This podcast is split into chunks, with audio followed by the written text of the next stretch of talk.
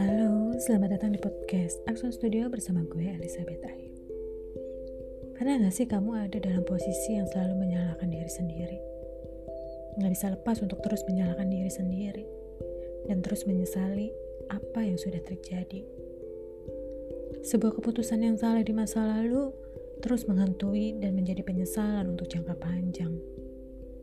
Kehilangan banyak hal, waktu, kesempatan, bahkan kehilangan momen kebersamaan dengan orang-orang yang kita sayangi. Semua terjadi begitu sangat menyakitkan untuk diingat, namun sulit untuk tidak mengingatnya.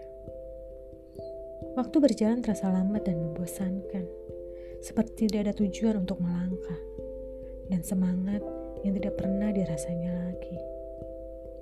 Sentuhan kecil dari luar terasa sangat menyakitkan, sulitnya untuk berpikir positif, dan terasa sulit untuk menjadi pribadi yang berhati lembut. Rasanya ingin teriak, marah, dan berkata, "Jangan ganggu."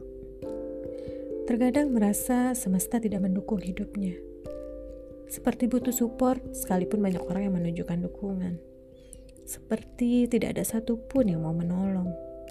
Semua terasa hampa dan membosankan tapi seperti mudah untuk tertawa dan tidak terlihat memiliki banyak pikiran. Kadang berpikir memang tak perlu banyak orang yang tahu, tapi ingin rasanya merasakan dukungan yang nyata. Tidak ingin terlihat menyedihkan, tapi merasa selalu dipermalukan. Ingin rasanya keluar dari rasa yang aneh ini.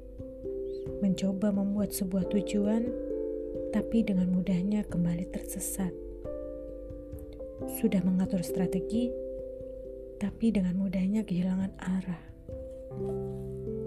Menghindari kerumunan, tak ingin mendekat, namun tidak ingin berpisah. Sekian podcast dari Access Studio bersama gue, Elizabeth.